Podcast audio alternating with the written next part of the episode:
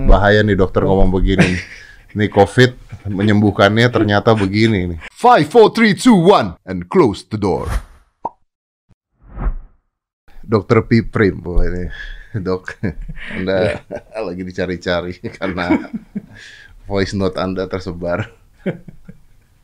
Iya.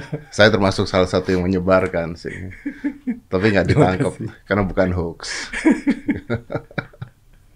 Dok, saya I'm, I'm agree with you. I mean di pandemi ini kan semua orang bicara tentang vaksin, vaksin, obat, obat gitu ya. Eh, Vaksin oke lah, saya ya is create herd immunity seperti itu. Eh, tapi kita nggak bisa juga memvaksin semua orang at this moment. Obat, we know kita tahu stok kita juga ya empet-empetan juga pasti gitu ya. Nah, makanya there is alternative kan. Ya. Ya dok ya, alternatif ada yang ada yang hoax, ada yang enggak gitu. Saya percaya dengan teorinya dokter karena saya melakukan hal tersebut. Nih, Makanya sebelum teman-teman mungkin kalau yang belum tahu nih apa sebenarnya, saya percaya dengan hal tersebut karena saya melakukan intermittent fasting for the last 10 years, 10 tahun. Saya puasa setiap hari itu 16 jam. eh, kecuali Sabtu Minggu kadang-kadang karena makan dengan keluarga jadi break break fasting nggak nggak nggak fasting. Tapi kalau saya nggak fasting juga saya biasanya masukinnya eh, no apa ya no carbohydrate. Jadi lebih ke lemak fat eh, protein. Terus kalau saya karbo saya olahraga supaya burning the sugar dan sebagainya. Nah saya nggak mau jumawa nih dok. Saya nggak mau jumawa. Karena saya juga eh, baru PCR juga, tadi juga saya antigen juga, walaupun badan saya lagi nggak enak karena kayaknya kecapean gitu ya. Saya tuh pernah mengurusi empat orang COVID di rumah saya, tapi saya nggak kena. Jangan cuma ntar kena gue. gitu ya. So I, I I have a theory that sebenarnya kita bisa jaga imun kita dari dalam instead of membatasi kita dari luar gitu. Dan itu dari berbagai macam cara, sleep well, I mean uh, workout ada penelitian 150 menit per minggu katanya ngebantu mengatasi COVID dan puasa. Dan dokter di voice note dokter mengatakan begitu kena COVID atau sebelum kena COVID puasa. Nah puasa ini tujuannya apa dok? Apakah bisa membunuh COVID? Iya. Terima kasih. Pertanyaan gua langsung banyak.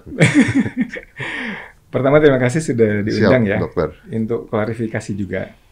Jadi sebetulnya voice note itu tidak saya niatkan untuk viral sebetulnya. Iya. Hanya menjawab pertanyaan menantu saya eh, yang di Bandung ya. Ini yang dia manggilnya Abi ya. Abi, eh, saya dan teman-teman ini banyak yang kena COVID. Gimana ya eh, supaya nggak fatal? Supaya tidak fatal. Iya, supaya tidak fatal. Saya dengan teman-teman eh, dokter-dokter yang eh, concern dengan puasa juga ya. Mm-mm. Itu tahun lalu bulan April. Jadi Maret itu wabah ya, pandemi ya. April itu kita sudah eh, nulis buku optimalisasi kondisi metabolik untuk mencegah fatalitas. Oke. Bahkan beberapa kali kami juga ngisi seminar, diundang juga oleh teman IDI di Riau, waktu itu juga IDI Jawa Tengah ya. Eh, prinsipnya begini, jadi tagline-nya adalah be a bad host for COVID. Be a bad host for the COVID. Ya, Oke, ini bu- jadi tuan rumah yang jelek untuk Ya. COVID. betul. Karena konsep hubungan COVID dengan kita itu kan pembajakan. Hmm, hmm, Dia makhluk yang setengah hidup setengah mati, virus ini kan. Bukan makhluk hidup sesungguhnya, hmm. Dia hanya ada materi genetik RNA dibungkus oleh kapsul dan ada duri-durinya. Mm. Dia masuk ke tubuh kita. Konsepnya itu membajak tubuh kita. Nanti RNA-nya masuk, dia ditranskripsikan, mencetak anak virusnya Hmm. menggunakan nutrisi dari kita. Menggunakan nutrisi dari kita. Ya. So this is basically cancer. Yes. Hampir sama dengan cancer. Oke. Hampir sama dengan cancer. Menggunakan nutrisi kita, dia membajak, kemudian berkembang biak. Nah, nanti mungkin ada beberapa hal yang beda, yang unik eh, untuk virus ini ya. Eh, kenapa dia kok bis- bikin heboh banget gitu, virus ini? Karena yang dibajak adalah S2-nya. S2 ini kayak remnya inflamasi. Hmm. Jadi begitu remnya dibajak oleh virus ini, inflamasi itu gaspol gitu. Istilahnya gitu. Nah, Berat, berat berarti eh, bisa terjadi komplikasi. Iya kan, yang komplikasi beratnya itu kan karena hiperinflamasi, karena badai sitokin.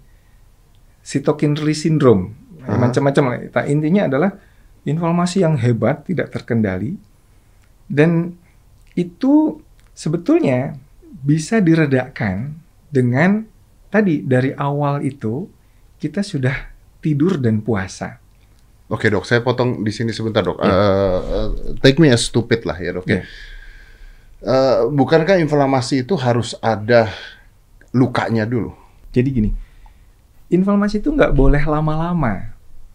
Dia sebentar aja nanti beralih ke adaptive immunity, Hmm. hmm. ya kan? Tapi pada orang dengan komorbid, obesitas misalkan, dia itu sudah ada dalam kondisi inflamasi kronik, low grade chronic inflammation. So you you eh, dokter mengatakan bahwa orang dengan obesitas itu sudah inflamasi, Yes, with or without the COVID. with or with or without. Oh shit. Ya, in- nggak semua obes ya. Obesitas dengan sindrom metabolik ya. Tapi obesitas itu pada terutama yang buncit ya, perutnya ya. Dok, dokter mungkin jelasin dulu obesitas dengan sindrom metabolik apa bedanya dengan orang obesitas biasa? Obesitas kayak eh, obesitas yang bukan visceral obesity. Oke. Jadi disertai di, di rong- Iya, bagian-bagian penting Iya tubuh. betul. Kan ada obesitas yang tidak disertai sindrom metabolik. Jadi istilahnya metabolically health obesity, Oke. ya kan? Oke. Dia obes tapi nggak sindrom metabolik. Hmm. Nah, yang seperti ini ya eh, bukan komorbid yang berat. Tapi Tapi, kalau- kom- tapi komorbid tetap. bisa jadi komorbid kalau obesitas berat ya. Oke, oke. Tapi kalau dia dengan sindrom metabolik itu sudah terjadi yang disebut dengan low grade inflamasi tadi. Jadi belum apa-apa dia sudah ada inflamasi. Oke. Makrofagnya itu tipe M1 ya kalau bahasa kedokterannya. Ini tipe yang garang gitu.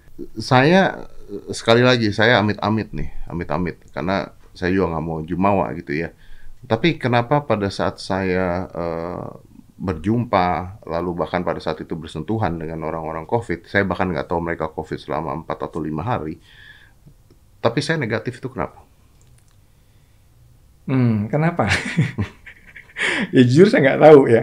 Ah. Tetapi teoritis ya ada eh, satu literatur yang bilang kalau autofagi itu berjalan bagus, begitu virus itu masuk, Nggak ada makanan. eh, nggak ada makanan dihancurkan virusnya, dan itu cepat beralih ke adaptive immunity dan kemudian dia sudah selesai gitu aja, sudah selesai gitu Oh, aja. Oke, oke, I got it. Nah, jadi se- memang sebetulnya kan kita lihat statistiknya kan ada 80% orang OTG Iya. atau dia gejalanya ringan. Ah, Atau kita nggak tahu jadi udah sakit apa belum sih kita juga nggak tahu. ah. Dicek antibodinya juga nggak terbentuk. nggak terbentuk. Ya. Saya juga dicek antibodinya nggak terbentuk. Nggak terbentuk. Mungkin eh, antibodi kan ma- eh, ini ya bagian dari adaptive immunity ya. Aha. Kalau innate immunity kita kuat, dia bisa selesai di situ di innate immunity-nya. Sebelum terjadi antibodi tersebut. Iya, sebelum terjadi itu. Itu pernah saya baca di literatur. Jadi eh, COVID itu diselesaikan dengan mekanisme autofagi yang sangat hebat Oke, ini, dok, ini orang-orang nggak tahu autofagi ini apa, dok? dalam kondisi tidak ada Makanan. kalori, tidak ada makanan masuk atau olahraga yang cukup intensitasnya. Eh, intinya ATP-nya berkurang lah. Hmm. Itu tubuh akan melirik eh, di sekitarnya Cadangan. eh, mana yang bisa jadi makanan. Sekaligus untuk recycle. Ya kan, recycle. Nah, mekanisme recycle ini sekaligus untuk housekeeping. Jadi bersih-bersih sel. Ini ada sel calon kanker dihancurin. Detox. Iya. Ini ada sel apa? Eh, untuk Alzheimer itu kan ada protein salah cetak di otak itu Hmm. dihancurin sama dia. Jadi orang yang rajin puasa, autofaginya berjalan dengan kuat, itu akan sangat bagus eh, apa kesehatan metaboliknya. Ini yang yang saya banyak baca tentang Hmm. autofagi ya. Hmm. Ini ter- terus terang di kuliah kedokteran juga nggak banyak dibahas nih, karena eh, apa konsep autofagi ini juga kan memang 2016 baru dapat Ya, ya. Nobelnya karena, ya? Karena baru kan. ya karena baru. Konteksnya baru, betul. Ya, Eh, eh, saya saya kan eh, puasa ya itu sehari 16 jam, 16 jam, sampai 18 jam, kadang-kadang 20 jam seperti itu. Kadang-kadang nggak puasa gitu ya. Eh, saya sebelum belum saya belum lari ke sana dulu dok. Tapi apakah kalau seandainya seseorang yang tidak memakan karbohidrat juga bisa lebih baik? Eh, untuk COVID ini, Ya, jadi ada dua jurnal yang saya baca oke. bahwa diet ketogenik Oke. ya itu bisa dari sisi eh, menurunkan obesitasnya Mm-mm. sehingga dia menurunkan risiko fatalitas. Oke. Tapi ju- dia juga bisa eh, mencegah fatalitas pada saat kena ya. Pada saat kena. pada saat kena karena tadi mekanisme eh, ada dua hal. Pertama, keton. Benda keton ini adalah antiinflamasi yang sangat eh, kuat. Benda keton ini. Jadi ketika eh, orang tidak makan karbohidrat, kemudian juga dia eh, menghasilkan livernya memproduksi keton. Pada dasarnya kan keton ini bahan bakar untuk otak ya, Mm-mm. yang terbentuk pada saat puasa maupun pada saat orang itu tidak makan karbohidrat. Oke. Dan ketonnya itu sendiri eh, antiinflamasi yang sangat kuat. Kita tahu bahwa virus COVID ini dia eh, mengaktifkan inflamasom namanya, NLRP3. Ini akan mematangkan interleukin eh, 1 beta ya, dan juga interleukin 18 dikeluarkan. Ini yang bikin sitokin storm itu. Ini sitokin itu dimatangkan Mm. Eh, jadi SARS-CoV ini memang ganas ya. Jadi eh, dia mematangkan apa inflamasom tadi supaya inflamasi. Nah keton ini menghambat eh, pematangan sitokin tadi.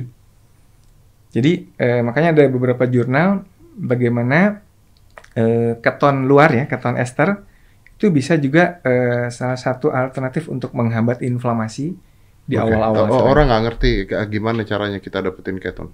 kalau kita puasa atau stop carb itu kan kita bikin Kita keton membuat sendiri. keton sendiri. Ya. Oke, oke. Berapa lama kita berpuasa sampai hal tersebut terjadi? Eh, yang pasti sih belum tahu saya ya. Oke. Tapi ada yang bilang 16 jam, ada yang bilang 18 jam, Hmm. 24 jam. Intinya adalah ketika tubuh itu memang butuh kalori pada saat dia tidak ada yang masuk, Dia akan ngambil dari tempat akan lain. Atau olahraga juga bisa. Olahraga juga bisa. Kalau olahraga kan dipakai. Eh, kalori kita dipakai. Kalau puasa kita nggak dapat masukan kalori. Yang paling Ah. bagus adalah gabungan. olahraga sambil Iya. sambil berpuasa. Iya, fasting exercise. Oke oke. Nah, eh, saya saya saya nih I'm I'm on there. Yeah, that's my religion gitu kan. Jadi jadi saya tuh suka berdebat juga dengan orang yang mengatakan bahwa kalau kita berpuasa terus ototnya habis, ototnya habis. I I prove it kalau itu enggak gitu karena cadangan lemak kita tuh banyak sebenarnya. Iya, betul. Cadangan lemak kita banyak dari zaman prasejarah saya mengatakan eh, manusia itu kan diciptakan berburu ya. Iya. Manusia cipta, nggak nggak ada kulkas loh Iya. nggak ada gojek nih kita nih, Iya. ya kan? Betul. Jadi either lu ngambil makanan berburu, catch an animal, dibakar saat itu dimakan, setelah itu lu puasa Iya. sampai mendapatkan makanan lagi. Dan manusia otaknya gimana pinternya dia nyimpen cadangan lemak. Jadi Iya. seperti apa pun yang akan diambil adalah cadangan lemak dulu. And then saya mengatakan bahwa kalau kita berpuasa, saya kan dulu pernah ada buku OCD tuh, Iya. uh, in- inter- intermittent fasting basicnya. It create growth hormone buat Yes. Buat tubuh kita menciptakan otot dan sebagainya dan juga eh, bisa membuat kita lebih muda. Iya. Nah, tapi itu di lain hal tuh dok. Yang hal paling pentingnya adalah sekarang ada dokter misalnya mengatakan kalau sakit makan. Tapi ada, saya nggak mengatakan dua-duanya salah ya, karena memang jurnalnya, you know, the scientific things is always change. Saya percaya dengan yang kalau sakit jangan diberikan makanan, Iya. gitu. Ada yang mengatakan kalau bakteri beda, virus beda, gitu. So, menurut dokter gimana sekarang kalau orang sakit atau flu atau covid, mereka makan atau mereka puasa? Oke. Jadi sebetulnya Eh sorry, tapi sebelum itu juga harus dipikirkan kalau makan obat gimana? Oke, iya. Jadi sebetulnya ada yang disebut dengan sickness associated anorexia. Oke, Jadi orang yang nggak mau makan karena sakit, ya kan? Kalau orang sudah mulai eh, kemasukan patogen di awal-awal, itu kan lemes ya, Hmm. pingin tidur aja, Hmm. eh, apa namanya demam, Hmm. kemudian juga nggak mau makan, Oke. ya kan? Ini namanya sickness associated anorexia. Nah ini sebetulnya sinyal untuk harus kita ikuti. Yaitu tidur aja, Tidur, jangan makan. jangan makan. Kalau tidur pasti nggak makan kan? Iya, iya. Kenapa? Ya kan? Karena tubuh kita itu ingin konsentrasi mengeliminasi patogen. Satu. Dalam salah satu jurnal yang saya baca, ini uniknya tubuh kita. Jadi ketika kita itu nggak makan, kita masuk ke kondisi katabolik. Hmm. Katabolik itu yang tadi ke autofagi tadi. Hmm. Jadi autofagi itu seperti apa ya? Jurus silat lah. Hmm. Jurus silat. Kalau kita sering sebelumnya puasa, Hmm. Intermittent kayak eh, Mas Dedi ya, itu akan ampuh jurusnya. Tapi kalau jarang dilatih ya susah. Tapi kita bisa aktifkan pada saat sakit itu. Pada saat sakit itu kita puasa, maka autofag, mesin autofaginya akan jalan dengan dahsyat. Autofagi itu se- selain housekeeping juga bisa sebagai namanya ada imunofagi namanya. Jadi dalam sistem imu- imunitas sangat-sangat mengaktifkan eh, kekebalan innate immunity. Oke. Masih nggak ngerti saya. itu yang akan menyusun eh, serangan balasan untuk Oke. virusnya. Apakah terbukti bahwa dengan melakukan puasa si pasien bisa cepat lebih sembuh? Eh, ada beberapa jurnal sih, tapi eh, yang saya baca misalnya metabolic switch to dampen the apa COVID. Oke. Jadi metabolic switch itu adalah bagaimana ketika orang itu switch metabolism dari anabolik ke katabolik, dari glukosa ke keton. Karena kita mengharapkan dua sebetulnya Mas Dedi. Eh, autofaginya dan ketonnya. Karena Oke. keton ini antiinflamasi yang luar biasa. Dia ganti rem yang rusak tadi. Jadi S2-nya dibajak, rem utamanya rusak. Kita butuh eh, rem inflamasinya ini Hmm. dengan yang yang ini tadi dengan tidur dan puasa Dan tadi. puasa, oke. Heeh.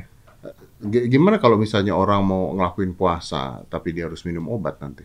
Kan Ya. itu pertanyaannya. Oke, ya mungkin minum aja ya, minum aja Eh, obatnya. Jadi nggak nggak perlu pakai karbohidrat dulu karena Tapi kan eh, ada kata-kata eh, obat yang harus disertai dengan makanan atau sesudah makan gitu. ya itu eh, mungkin itu tuh jadi kesulitan kalau kalau menerapkan puasa karena itu juga mengganggu tidur. Iya kan? Eh, Kan kita ingin tidur nih, tiba-tiba dibangunin minum obat dulu, minum obat dulu. iya, bener bener bener. Padahal Eh, kita ingin tidur tidurnya cukup gitu. kayak di pesawat. pengalaman saya tuh tidur kira-kira 10 jam ya itu cukup lah untuk bisa seger lagi gitu. Oke, and then baru kalau misalnya mau makan obat ya makan obat, tapi makanannya mungkin diganti ya dok ya. Iya. If, if you need to eat, kalau kita harus makan dan makanan yang kita ganti. Iya, betul. Oke, jadi basicnya adalah less sugar, Less sugar. Less sugar. Dan itu termasuk karbohidrat dan semuanya. Iya. Oke, saya saya tahu dan eh, saya pelajari banyak tentang hal ini. Bahkan di berbagai jurnal mengatakan percobaan-percobaannya dilakukan pada hewan pastinya, Iya. and is also cure cancer Iya. karena cancer tidak ada makanannya. Iya. So eh, eh, berapa lama orang eh, boleh berpuasa? Kalau kita lihat boleh berpuasa, rekor berpuasa tanpa makanan tapi bisa minum Hmm. itu 382 300 hari. ya, ya. Baca kan? 382 hari ya, ya. Kalau nggak makan minum, Mati. Tujuh hari itu berapa gitu ya? nggak itu eh, dua minggu lah. Dua minggu ya? Iya, nggak Iya. makan minum ya. Iya, Tapi iya. kan nggak etis ya. Artinya kalau orang itu cuman makan nggak makan 16 jam, 18 jam, 20 jam, Wah, nggak ada apa-apanya nggak ada ya? it's okay. Oke. Dan sebetulnya gini Mas Jadi, orang itu disebut eh, sehat secara metabolik ya. Kalau dia bisa switch metabolisme dengan gampang, intermittent metabolic switch antara metabolisme puasa dan makan, puasa dan makan, itu akan mengaktifkan eh, diurnal eh, ritme diurnal kita. Oke, oke. Karena kan salah satu problem manusia modern kan puasanya jarang, Hmm, olahraganya jarang, hmm. tidurnya juga kurang kan gitu. Iya, tapi makannya sering. Tapi makannya sering. Iya. Nah, kalau saya eh, melihat begini, eh, apa pun gaya hidup kita, kita punya parameter standar yang menentukan kita itu on the right way atau tidak. Oke, how? Jadi ada tujuh sih. Ini ada di jurnal Enhance ya. Oke. Jurnal ini bagus nanti nanti saya kasih deh. Survei kesehatan metabolik masyarakat Amerika tahun 2009 sampai 2016 kalau nggak salah. Hmm. Jurnalnya terbit 2018. Hmm. Apa yang dinilai ada tujuh. Satu lingkar perut. Oh shit. Lingkar perut itu di bawah setengah tinggi badan ya. Kalau di kita ya yang paling objektif. Di bawah setengah tinggi badan. Berarti sampai sini dihitung di. Kalau tinggi badan kita katakan saya 173. Ya, ya. Tinggal dibagi dua itu maksimal lingkar Tapi. Amerika is disaster dok. Amerika become obese. Iya. Makanya nanti hasilnya meng- meng- mengagetkan. Satu itu ya lingkar perut. Kemudian yang kedua tekanan darah. Tekanan darah oke. Itu maksimal 120 per 80. Oke. Kemudian gula darah puasa Gara-gara di puasa, bawah oke. 100. Oke.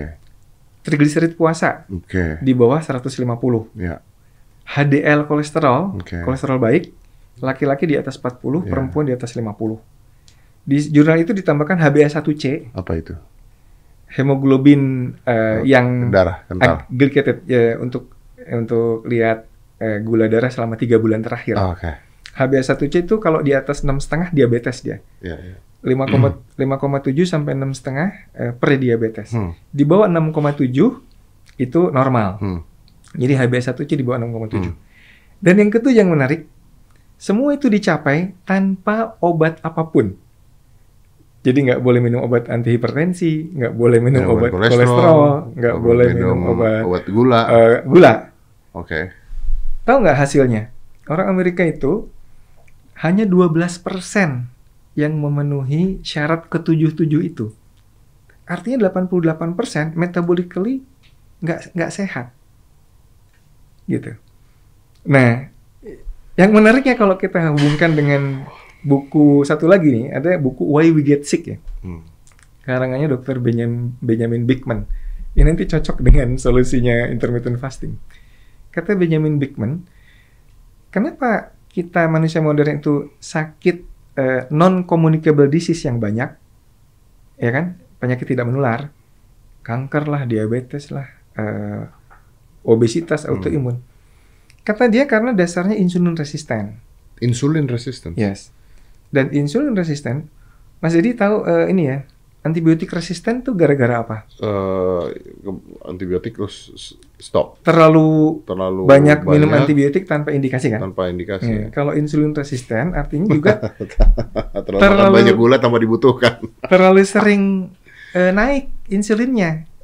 Istilahnya chronic hyperinsulinemia. Jadi insulin tuh selalu naik gitu. Nah ini kata dia, karena pola makan kita yang memang high glycemic index food dan dimakan terlalu sering.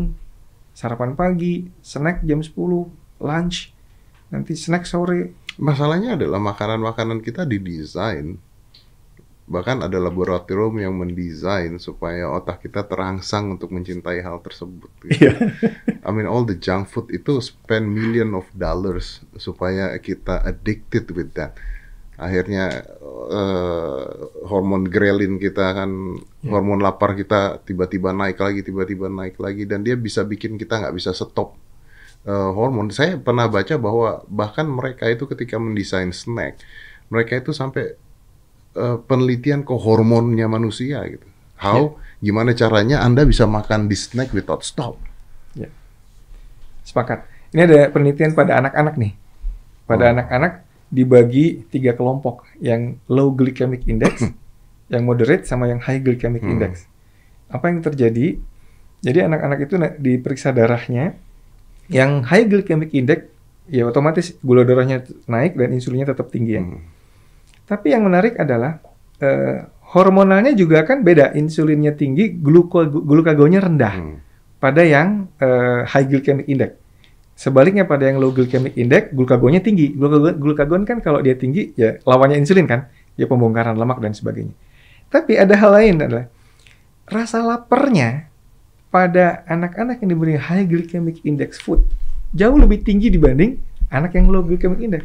Otomatis total asupan kalori Tambah banyak. tambah banyak pada high glycemic index. Jadi memang itu sebuah keniscayaan. Ketika makanan kita yang high glycemic index food dan dimakan terus-menerus, Tambah lapar. tambah lapar, eh, apa? Dan tambah ada gangguan hormonal tadi, insulin resistennya bisa cepat. Ya, basicnya adalah kita nggak stop makan kan. Betul. Makanan-makanan tersebut didesain untuk kita tidak stop makan, because ya itu cara jualnya. gitu. Betul. Dan ini kayaknya rahasia umum. Eh, udah pada banyak yang ngomong begitu. Iya. Nah, eh, artinya kita nggak usah bicara puasa lah, kita bicara skip meal aja, udah sangat Iya. membantu sebenarnya. Betul. Atau memilih makanan. Apakah memilih ah, gini dok? Apakah memilih makanan juga membantu untuk eh, kesakitan? Jelas. Jelas. Jelas. Di penelitian tadi, anak-anak yang diberi low glycemic index food itu hormonnya lebih eh, bagus, in- kadar insulinnya lebih cepat turun, Hmm, rasa laparnya lebih hmm, kurang, hmm, dan total asupan kalorinya juga lebih kurang. hmm, Artinya hanya dengan sekedar mengubah makanan itu ke real food, hmm. ke real food dan stop sama sekali yang high glycemic index yang junk food, itu saja sudah sangat bagus untuk memperbaiki metabolisme tubuh. Karena dia nggak akan ngemil terus, dia nggak akan cepat lapar. Hmm, Oke, oke. Dan ini b- baik juga untuk, maksudnya begini, pertanyaan saya gini, apakah dalam masa pandemi ini orang takut dengan COVID mengubah pola makan lebih sehat, artinya juga sangat membantu ya? Sangat membantu, sangat membantu. Itu kan banyak yang eh, setelah pandemi justru cemilannya banyak junk food ya. Hmm. Itu kan mengerikan tuh, udah nggak olahraga, makan melulu. Tapi kan PPKM, ya kan bisa di rumah.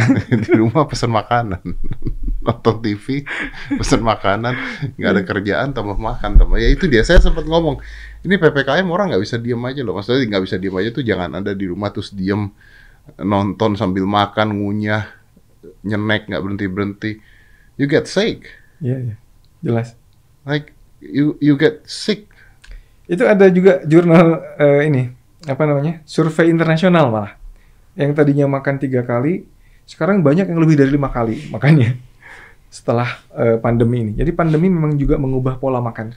Karena gini dok, karena banyak orang yang tidak berpikir bahwa mereka ketika mereka snacking itu mereka makan. Yes. Jadi udah makan belum belum gitu. Iya betul. Tapi sudah dua bungkus. Tapi karena itu snacking gitu.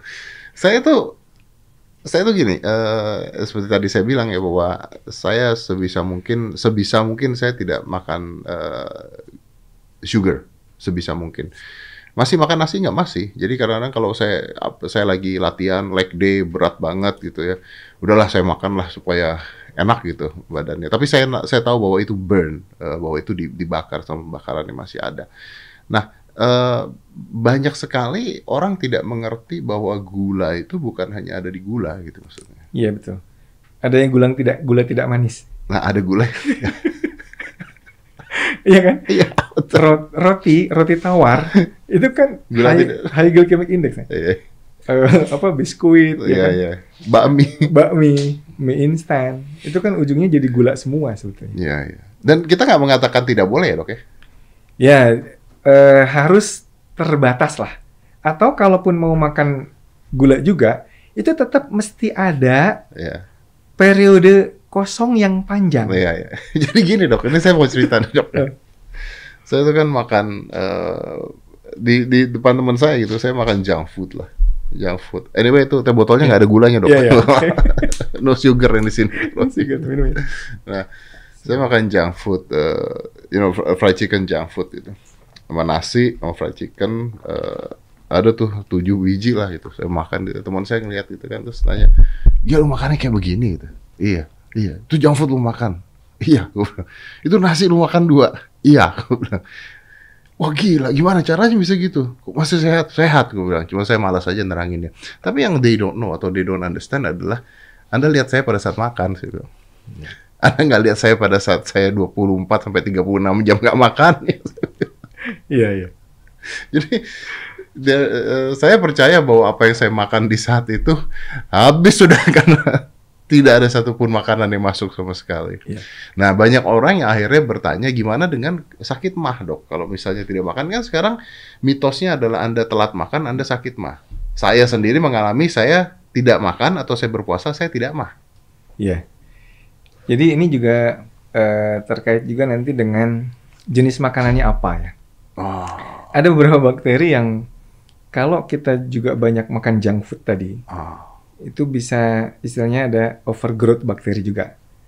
Ya, dan itu bikin gas ke apa? naik ke lambung kita. Jadi itu yang bikin masalah juga. Oke. Sebetulnya kalau eh, kan sering ya gini, pada saat puasa Ramadan kok saya sembuh ya mahnya. Nah betul, Iya kan? betul, betul. Kok saya sembuh ya? Ya betul karena memang berarti jenis makanan kita yang nggak beres gitu. Jenis makanan kita itu yang kemudian membuat mikrobiota usus kita juga nggak beres. Ya kan? Hmm, hmm. Jadi saya kira pilihan sebenarnya problem kita tuh di ultra processed food itu tadi ya. Iya. Yang Tapi kan di puasa Ramadan sekarang digembar-gemborkannya adalah berbukalah dengan yang manis. itu bukan hadis. itu nggak ada kayaknya itu. Nggak ada hadis. Tapi orang tahunya sekarang itu kan. Iya. Ya, ya, jadi eh, apa yang dimakan juga pengaruh ya. Sangat berpengaruh. Jenis makanan itu sangat berpengaruh. Terutama yang tadi terhadap respons insulin ya. Hmm, hmm. Jadi high glycemic index food itu memang eh, menurut saya ya sangat berbahaya dan kalau kita tetap mau makan itu ada kompensasinya, ya kan olahraga Ya, tadi. ya, Atau ya, tetap ya. ada fastingnya. Ada fast, ya, Iya. ya, ya, ya. Kalau enggak ya balik lagi, yang paling bodoh itu kan adalah kalori in, kalori out. Itu yang paling bodoh lah menurut saya. Iya iya. Walaupun saya nggak setuju dengan kata-kata kalori in, kalori out itu. Kan orang mengatakan diet itu sederhana ya, kalori dimasukin lebih kecil daripada ingin eh, kalori keluar gitu. Tapi kan tergantung kalori yang dimasukin apa dulu bilang kan. 2000 nasi padang ayam 4 sama 2000 donat 6 beda nih. Iya. Iya betul. Masih mending yang ada ayamnya nih bilang. Iya. Jadi kan beda sebenarnya. Beda. Nah, orang tua gimana, Dok? Apakah mereka boleh berpuasa? Orang tua kalau dia memang eh jadi misalnya gini, insulin resisten itu ya, Hmm. resisten insulin itu makin kita tinggi usia ya, Hmm. makin berpotensi. Oh, shit. Jadi sebenarnya makin tua itu Makin harus. makin harus Oh, sebetulnya ya. Walaupun nggak boleh juga terlalu panjang. Ini eh, yang disebut autofagi itu nggak boleh bablas. Ya, ya. nggak boleh bablas puasa keasyikan karena puasa keasyikan itu juga bisa nggak lapar loh. Hmm. makanya telur satu butir gitu. Ini malnutrisi jelas. Hmm. jangan malnutrisi. Tapi juga jangan kekurangan. Dia mesti pas gitu ya bagaimana ngukur pasnya autofagi tujuh parameter tadi Oh, ya, ya, itu dilihat, itu dinilai lagi. Ya, dinilai Saya lagi. tuh pengalaman eh, makan eh, bareng dengan eh, sempat makan bareng dengan eh, Pak eh, Hendro Priyono. Iya. Ya. Lagi makan, eh, saya lihat beliau makan kan, saya makan cuma tiga sendok gitu. Saya nanya, Opa, kok makannya dikit gitu. Padahal saya disuruh, eh makan makan, Opa makannya dikit. Terus dia bilang begini, kalau makin tua, makan banyak, jadi racun. Pikir, iya ya, Pak Mahathir Muhammad kan gitu juga ya. iya dia kan makannya sedikit Jadi dia makan hanya untuk makan hanya untuk hidup, iya bukan bukan hidup untuk betul makan. Oke oke, saya I. Kalau anak kecil, masih ada Nah, umurnya dong. Oke. nggak dari bawah udah langsung boleh berpuasa dong. Enggak, dong. kalau anak Oke. kecil jangan berpuasa dong. Ah. Kenapa coba? Karena anak kecil tuh instingnya masih murni dia. Dia akan makan kalau lapar. Tapi ada anak kecil yang Itu dirusak orang tuanya. gue mau ngomong gitu maksudnya itu dirusak oleh orang tuanya itu supaya nggak nangis nih Iya, kan? betul. nih Ada bayi-bayi yang sampai umur 3 tahun masih susu botol. ah, Itu kan bisa sehari 10 botol. Iya, bagaimana gitu kan. Ini kalau kembali kita berikan real food ya. eh, apa banyak protein hewaninya, sayuran hijau, kompleks karbohidrat ya, Hmm. kalau mau. Jadi dikurangin betul junk foodnya, insya Allah lapar kenyangnya normal. Iya. Tapi kalau kebanyakan junk food dan, dan high glycemic index food, Hmm. normal eh, apa rasa laparnya tuh nggak normal. Iya, karena nambah lagi, Nambah nambah, lagi. nambah Jadi bukan lagi. alamiahnya dia sebetulnya. Iya, iya, itu uh, hormon ghrelin ya. Iya, Yang ghrelin itu hormon kita lapar. eh, Di, le- dimanipulasi berarti Betul. kan sebenarnya kan. leptin tuh kenyang. Leptin itu kenyangnya. Oke, tapi dok, kita ngerti loh sekarang bahwa saya juga tahu sekali dokter juga paham bahwa sekarang tuh susah sekali untuk mencari makanan baik. Iya betul. Kalau kita ke minimarket semuanya begitu ya. Loh, ini mah fair-fairan aja gitu Betul. loh. Se- Sekarang orang mau makan baik itu mahal loh. Iya betul. Kan gila ya. Tapi nggak juga sih. eh, kita memang hidup dalam namanya obesogenic environment, Hmm. lingkungan yang bisa bikin kita bi- apa obes. ya. Ya. Tapi sebenarnya bisa disiasati. Misalkan nih kalau saya makannya ke apa namanya eh, warung pecel lele misalkan ya, Hmm. ya saya beli lelenya dong bang tiga Hmm. tahu tempe sama sayuran, Hmm. nggak pakai nasi misalkan, Hmm. ya kan? Atau mau apa ya ke warung Padang misalkan, Hmm. Atau Ayam ke- pop itu. ayam pop, ayam pop sama telurnya ya, Hmm. gitu, sama sayur ka- eh, apa kangkung, Iya, iya. Eh, apa Eh, Eh, daun singkong daun ya, singkong, ya. daun singkong, kayak gitu ya. Hmm. Eh, karena saya kan udah empat tahunan lah nggak makan nasi ya. Wih, empat tahun nggak makan nasi. Iya. Jadi eh, apa istilahnya? Yang begitu masih bisa disiasati asal kita juga tahu ilmunya. Oke, oke, saya, saya, saya jadi penasaran. Lebih pilih mana? Eh, ik- ayam goreng warung, eh, lele tersebut, gitu ya, Eh, atau fried chicken? Ya tentu yang ini. Lah kenapa? Ya, Kan sama. kan ada tepungnya. Oh, Tepung itu kan jadi gula. ah. Dia akan merangsang respons insulin. Dan sedikit sekali sekarang ini, eh, waktu saya jalan-jalan di San Francisco dulu ya, Hmm. saya setengah mati tuh. di pantai, saya cari eh, seafood. Iya. Bayangan saya seafood kayak di sini. Iya, iya. iya. Ternyata ikannya pakai tepung. Pakai tepung lah kan. Jadi lah gimana ini kok semuanya pakai tepung? Pantesan eh, obesitasnya men- Tapi di Indonesia tuh menurut saya masih mending ya dok ya. Masih Kita mending. masih ada pedagang-pedagang UKM. Iya betul. ya pecel, sambal pete itu masih ada, Iya, betul. ayam goreng Iya. masih ada, ya nasi kasih dua sendok lah misalnya Iya, gitu. iya. Di Amerika dok, Nggak ada gitu-gitu. ya. saya tinggal di Amerika di rumah ponakan saya, mau makan bener nih, mahal loh dok, beli di supermarket tuh. Then again McD itu dollar, Iya, McD 2 dolar, iya, iya. sepenuh itu McD 2 dolar. Akhirnya semua orang ya akan larinya ke sana gitu. Iya, Karena murah ya. Karena murah, memang karena murah. Ini ini jadi ini aja nih, ini ini ini saya bu- ya bukan promo dok ya. Saya kan nggak mau masuk tadi. Karena saya bilang no no, no. karena kalau saya ngomongin begini gula-gula terus saya minum podcastnya jalan, saya diabetes. Setiap kali podcast minum, podcast minum, gua diabetes dong, gua bilang gitu. Tapi ternyata ada yang tawar. Nah, kesulitannya eh, mereka sempat ngomong ke saya, mereka sempat ngomong ke manajemen saya. Nggak laku. Siapa yang mau minum teh tawar? Makanya ini gue bantuin. Iya loh. Kenapa ya? Apa apa? Because people get used to it, because diajari dari orang tuanya. Apakah teh itu harus manis gitu? Or what? Jadi ada adiksi gula ya. Jadi kalau pada orang-orang yang sudah eh, apa eh, gula minded gitu ya, Hmm. itu ada Gula main. sesuatu harus manis ya, atau apa ya eh, sweet tooth ya, Sweet tooth, ya, Iya, ya, sweet bahasa tooth. Inggrisnya sweet. Indonesia-nya apa ya sweet tooth ya? Ya apa ya, Nggak ada ya. senang manis lah ya. Senang manis. Jadi yang begitu itu memang eh, ada yang eh, saya baca di literatur itu ada eh, gambaran otaknya tuh beda gitu. Jadi ada gambaran adiksi gula di situ, adiksi gula. Makanya ini eh, kenapa gula itu masalahnya gula itu adalah bahayanya karena dia tidak dianggap berbahaya, beda dengan rokok. nah, Walaupun Kemenkes itu pernah sih dulu ada videonya ya tentang bahayanya gula itu ya. hmm. Tapi nggak nggak nggak populer lah, nggak populer. this is fucking good industry. ini kan industri besar sekali, gitu kan. Betul.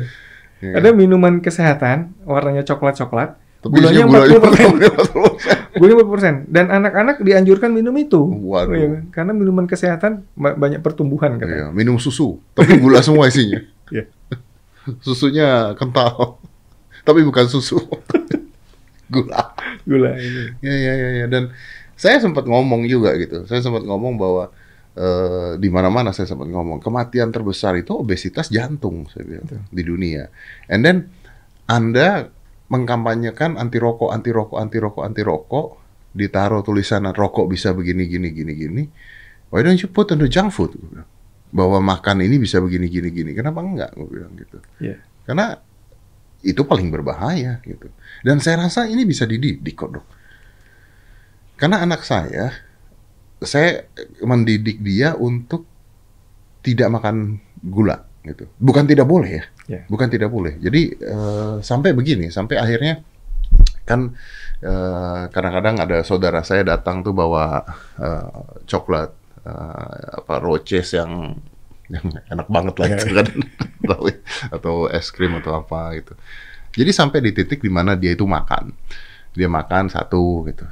Oh, Not makan, terus aneh-aneh ambil lagi makan.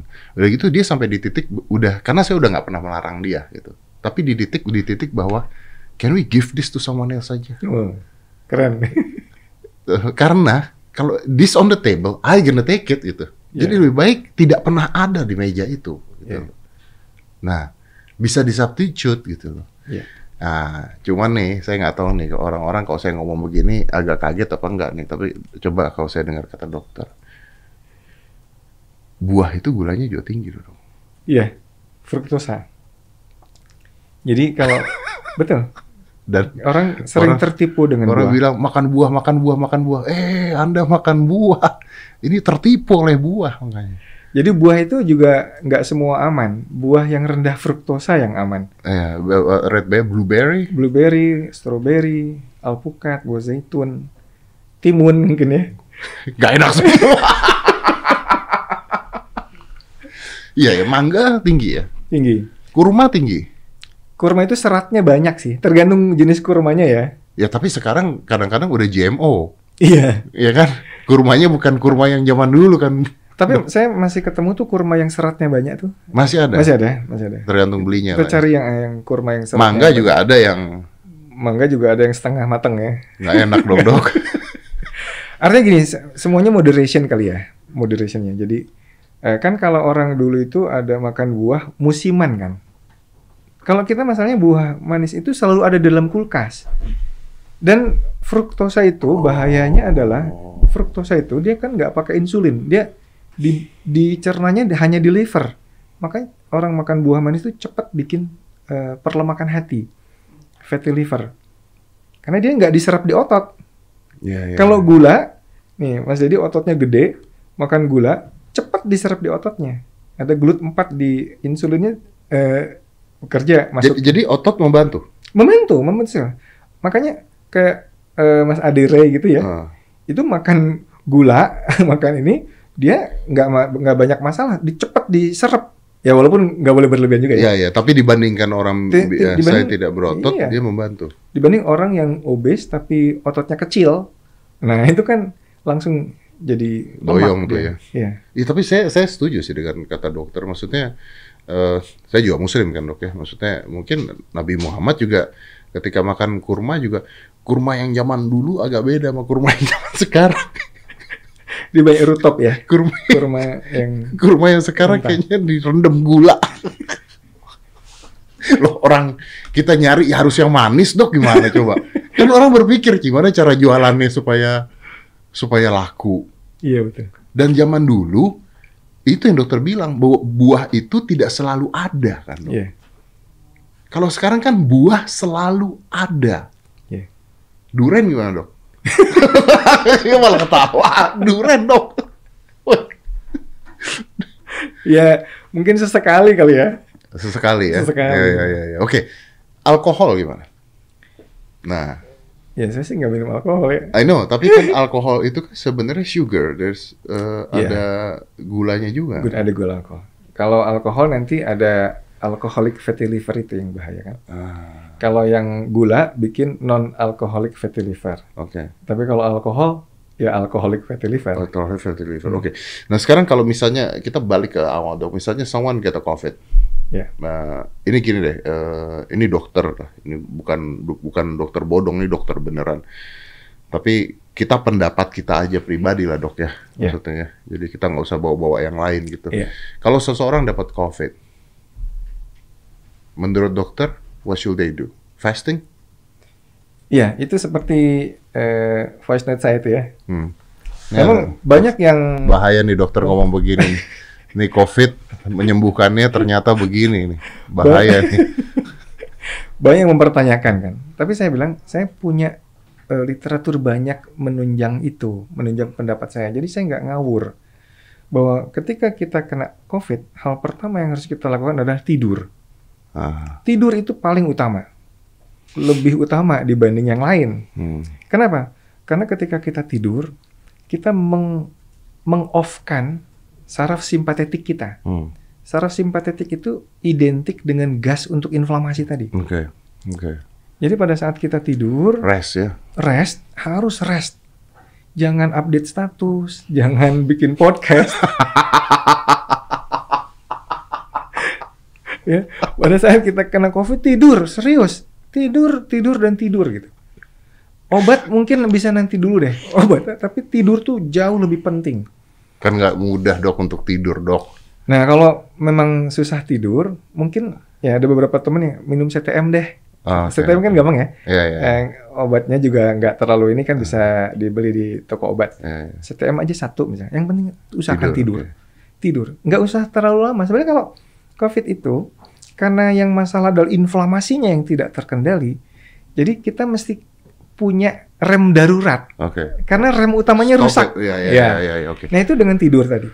Kemudian dengan puasa. Puasa tadi yang saya katakan bahwa puasa itu membuat autofaginya sangat efektif. Karena au- autofagi itu ngancurin virus dan mengaktifkan tadi itu. Dan kotoran-kotoran Oke, itu. dan lain-lain. Yang kedua juga ketosis.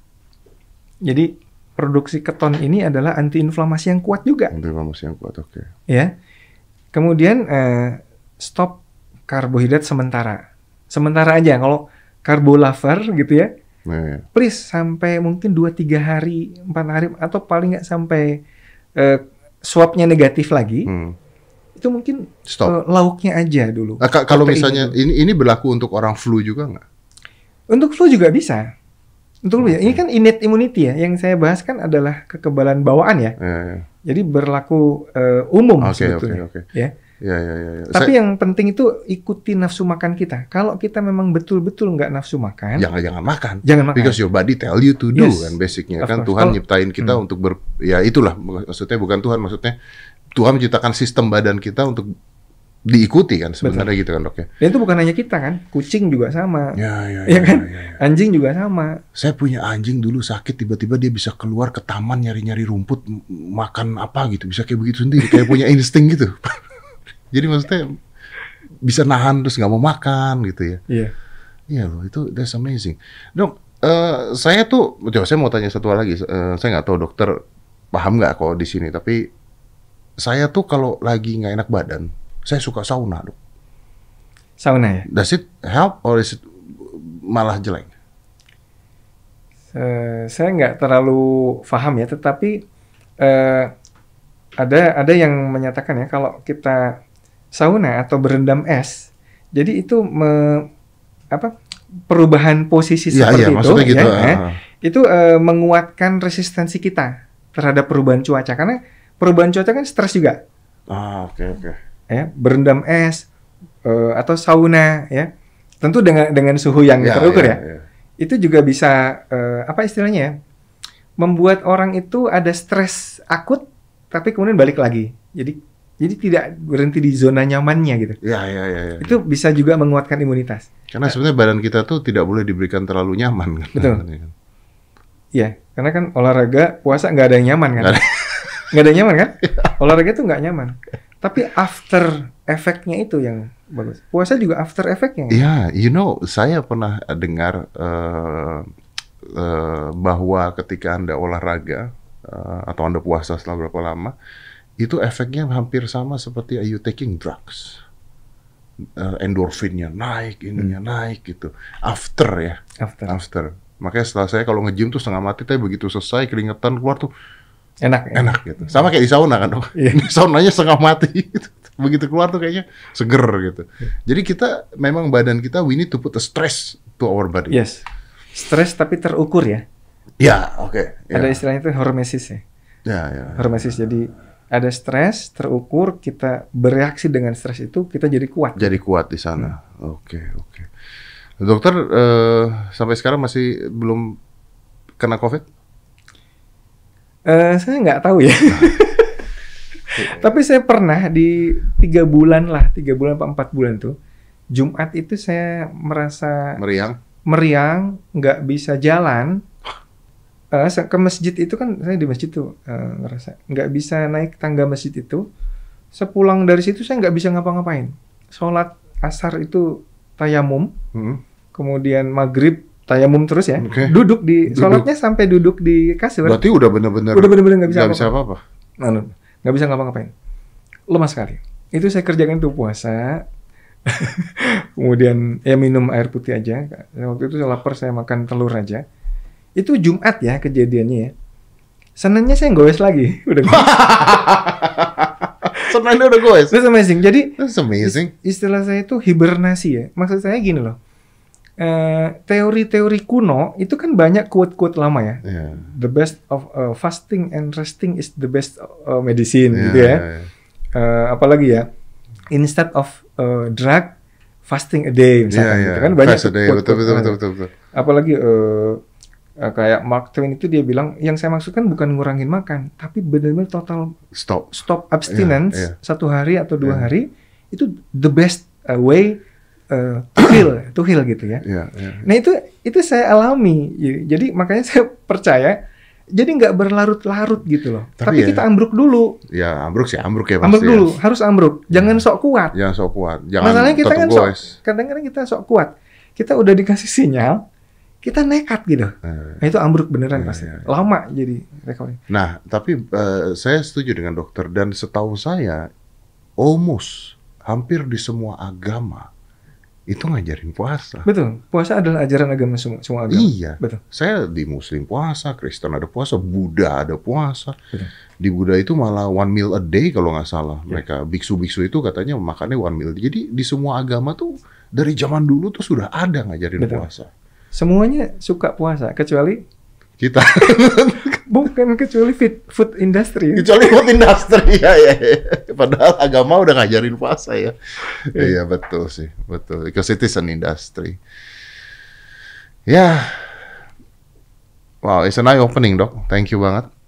Tapi ini ya eh, sekali lagi balik lagi bukannya artinya anda tidak boleh makan apa yang anda mau ya silahkan aja gitu ya. Tapi Menurut saya ada saatnya makan. ada saatnya makan. Pada saat recovery itulah kita saatnya makan. Nah, Pada saat eh, istilahnya virusnya udah kita kendalikan, baru kita makan. kita butuh recovery, Iya. baru kita makan banyak. Ya, ya. Tapi kalau kita makan banyak di awal, Dikasih makanan virus. kan kata Hippocrates kan gitu, to eat when you are sick is to is to fit, your Fit sickness. your sickness. Nah, itu maksudnya di awal itu. Ya, ya, ya, ya. Mak- ngasih makan eh, di awal-awal itu ngasih makan penyakitnya. Jadi makan ya secukupnya aja lah ya, Iya. atau you, you do fasting. Iya. Dokter, thank you. It's such an honor. Uh, terima kasih Terima banyak. kasih. Ini boleh disclaimer ya, Silakan. bahwa yang saya sampaikan ini bukan eh, apa istilahnya guideline medis. Oh bukan ini sebagai dokter pribadi kok ini. Ini kita bahas COVID pribadi, nggak ada dokter, nggak ada urusan dokter ini. Ya mungkin berbeda dengan guideline res- resmi ya, Ya, ya. berbeda. Tapi insya Allah eh, banyak literatur yang Betul, betul, eh, betul. menunjang. Jadi nggak nyebar hoax lah. Betul betul. Saya juga yakin bahwa this is not a hoax, uh, totally not a hoax. Uh, karena memang ya gini lah. Kalau anda bilang ini hoax dan sebagainya, kita balik lagi agama apa? Anda apa coba? coba saya mau tahu. Agama anda ngajarin nggak tuh puasa dari dulu? Ngajarin kok. Hampir semua agama ngajarin puasa. Jadi ya memang mungkin dari zaman dulu sebenarnya udah dikasih tahu ya kita ya. Kita harus seperti itu. Cuman ya karena ya kemasan-kemasan berwarna. Kalah kita. Dokter, terima Oke, kasih banyak. terima kasih, Let's close this. 5, 4, 3, 2, 1, and close the door.